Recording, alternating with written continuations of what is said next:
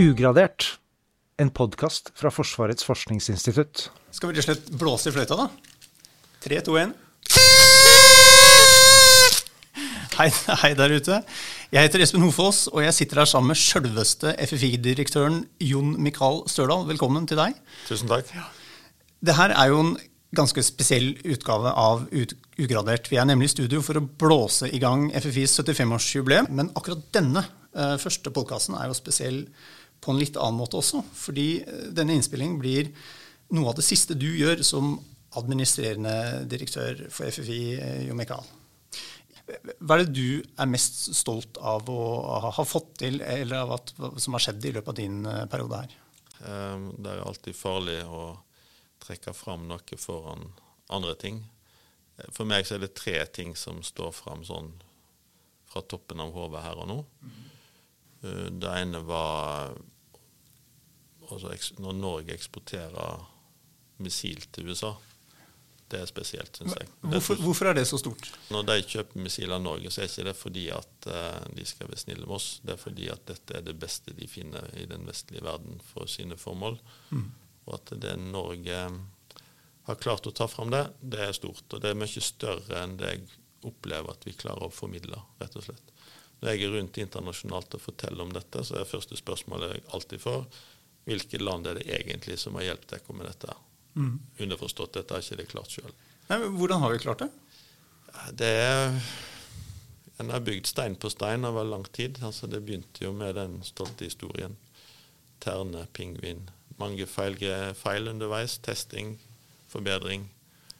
Um, og ikke minst en stor grad av uh, utholdenhet. Seighet. Den har, har, ikke gitt seg. Den har stått på. Selv om det har storma. Og det har det jo omtrent hele veien, hvis en ser den historien. Ja. Og den grunnen som gjorde at USA nå valgte det, er jo nettopp at Norge har hatt et utviklingsløp de siste 15 årene som ingen andre vestlige land har hatt på missilområdet.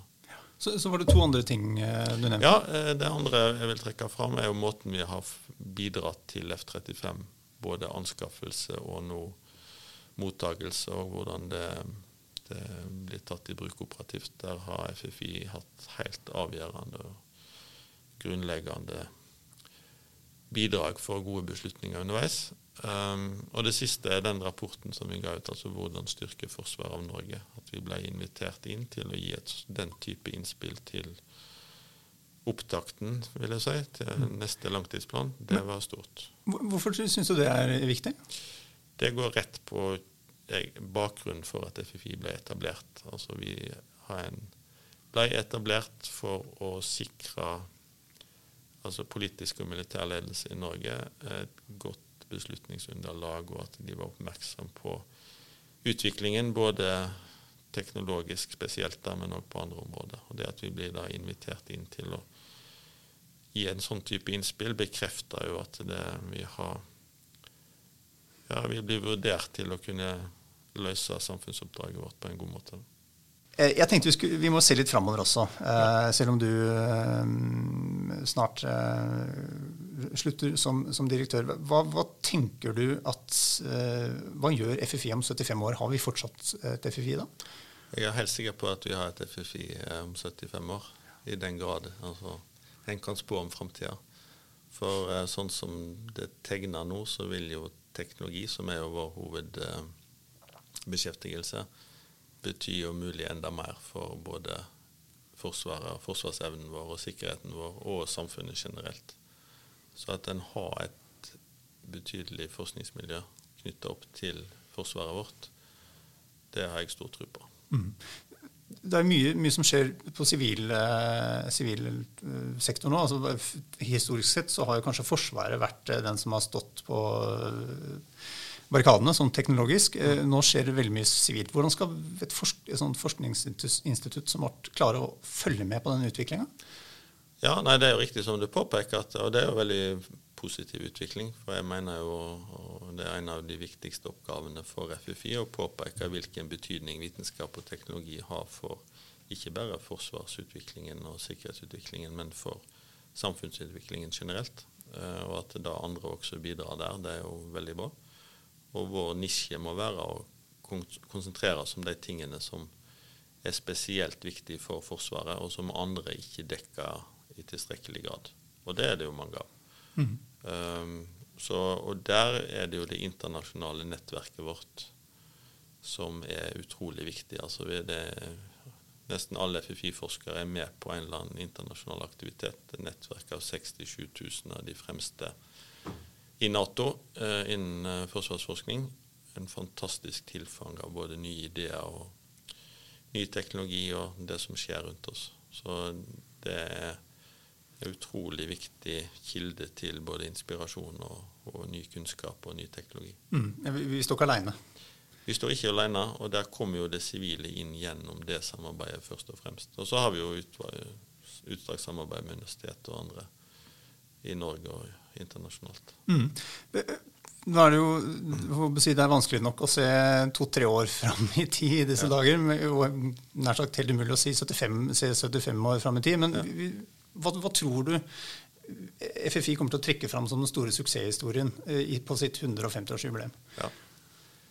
Der skal en eh, Hadde jeg visst det eksakt, så hadde jeg sannsynligvis eh, ikke sittet her. Men nei, det syns jeg er vanskelig å, å, trekke opp 75 år er lang tid fram. Mm.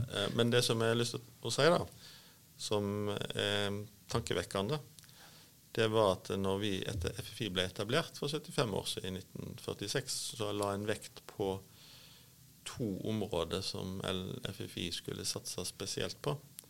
Og det var raketteknologi, og det var elektronikk. Og hvis du leser elektronikk som informasjons- og kommunikasjonsteknologi, så er det veldig framtidsretta med tanke på hvor vi er i dag, og hva vi har fått til på de områdene i Norge. Um, og så ser en jo hva er banebrytende teknologier framover. Nå kommer en jo opp med emerging and disruptive technologies. Så på et eller annet innen der, og en kombinasjon av dem, vil jeg tro at en også om 75 år da vil se trekke fram som noe av det viktigste som FFI har bidratt med. Mm. Det er vel ikke helt utenkelig at det har noe med elektronikk å gjøre? Nei, kanskje, men så kommer jo syntetisk biologi og det andre området som det kan, kan endre seg sånne ting. Ja, ikke sant, som ikke, og i hvert fall ikke allmennheten der ute egentlig helt har grep om hva det betyr. Ja, uh, absolutt. Så det er mye spennende. Men eh, nå er jo styret på jakt etter din etterfølger, og så vet vi ikke helt hvem det blir ennå. Men har du har lyst til å gi noen råd, råd til arvtakeren din? Hva, hva, er det som blir viktig framover for FFI? Um, ehm, skal være forsiktig med å gi råd. Det er flere ting som er viktig. Det det ene som jeg mener er viktig for en direktør, det er å få fram kan du si, nytteverdien og verdien av alt det gode arbeidet som blir gjort på FFI. Og satt det sammen på en sånn måte at det en forstår og ser betydningen av det. Det opplever jeg at eh, vi har beveget oss en god del i riktig retning av, men det gjenstår en del ting. Når, når, du sier en, en, at én ser det, altså tenker du på FFI-miljøet selv, eller verden utenfor? Begge deler. Altså, vi må se det sjøl og være stolte av det. Og um, faktisk se den betydningen vi har. Den er mye større enn det vi er klar over på mange områder. Og så er det ikke minst å vise det for um, beslutningstagere, politikere, øverste, både ledelsen i departement, i Forsvaret det samme bildet på en måte som, som de forstår og, og ser. Mm. Sånn at de forstår rett og slett hva slags råd vi kan gi, og hva vi kan hjelpe dem med? Ja, og hvilken betydning vi har. Altså vi har Historisk har vi gitt veldig mange råd, men på relativt eh, lavt nivå i Forsvaret inn. Og det er viktig, det skal vi fortsette med. Den nære kontakten vi har med brukeren. Og så kan det av og til gå på bekostning av at det da ikke blir synlig høyere opp, de bidragene vi faktisk gir. Mm. Apropos høyere opp, ditt neste stoppested blir jo Nato. Hva skal du gjøre der? Du, Da skal jeg flytte til um, Paris og lede det kontoret som ligger der, um, som er en del av Nato Science and Technology Organization. Så det formelle navnet er Collaborative Support Office. Det ligger jo litt i navnet hva det gjør. Det er støtte opp under det samarbeidet som finnes innenfor militærforskning og utvikling i Nato, Hovedoppgaven er å ta fram en uh, felles forskningsplan for Nato, som uh, da vil bli, uh, bli retningsgivende for, forhåpentligvis for de ulike medlemslandene. Mm. Det, er, det er et voldsomt apparat det her. og Jeg vet ikke hvor mange tusen forskere du nevnte at det var. men... Jo, altså Nettverket består av en 6000-7000, hvorav FFI bidrar med mange. Mm. Norge er en veldig aktiv nasjon. Ja. Gleder du deg? Absolutt. Hvorfor det? Ja, Det er jo spennende, syns jeg. Det er Litt sånn skrekkblanda fryd. Eh, prøve noe nytt. Nå kjenner jeg jo litt til arbeidet gjennom den rollen jeg har hatt i Science and Technology Board. Men det å se det fra innsida i et internasjonalt miljø blir jo smessig fra det som er i dag, tror jeg. Ikke sant. Du er, en, du er en opptatt mann, og nå er, vi, nå er tiden vår snart over. Um, så vet jeg at du har sikkert tenkt å si farvel til både FFI-kolleger og samarbeidspartnere på behørig vis. Men har du en hilsen eller oppfordring til folk der ute, som en slags avskjedshilsen til forsvarssektoren fra administrerende direktør? Ta godt imot ny direktør og, eh, og FFI og FFI-forskerne de kommer ut på samme måte som det har gjort i 75 år. Veldig bra.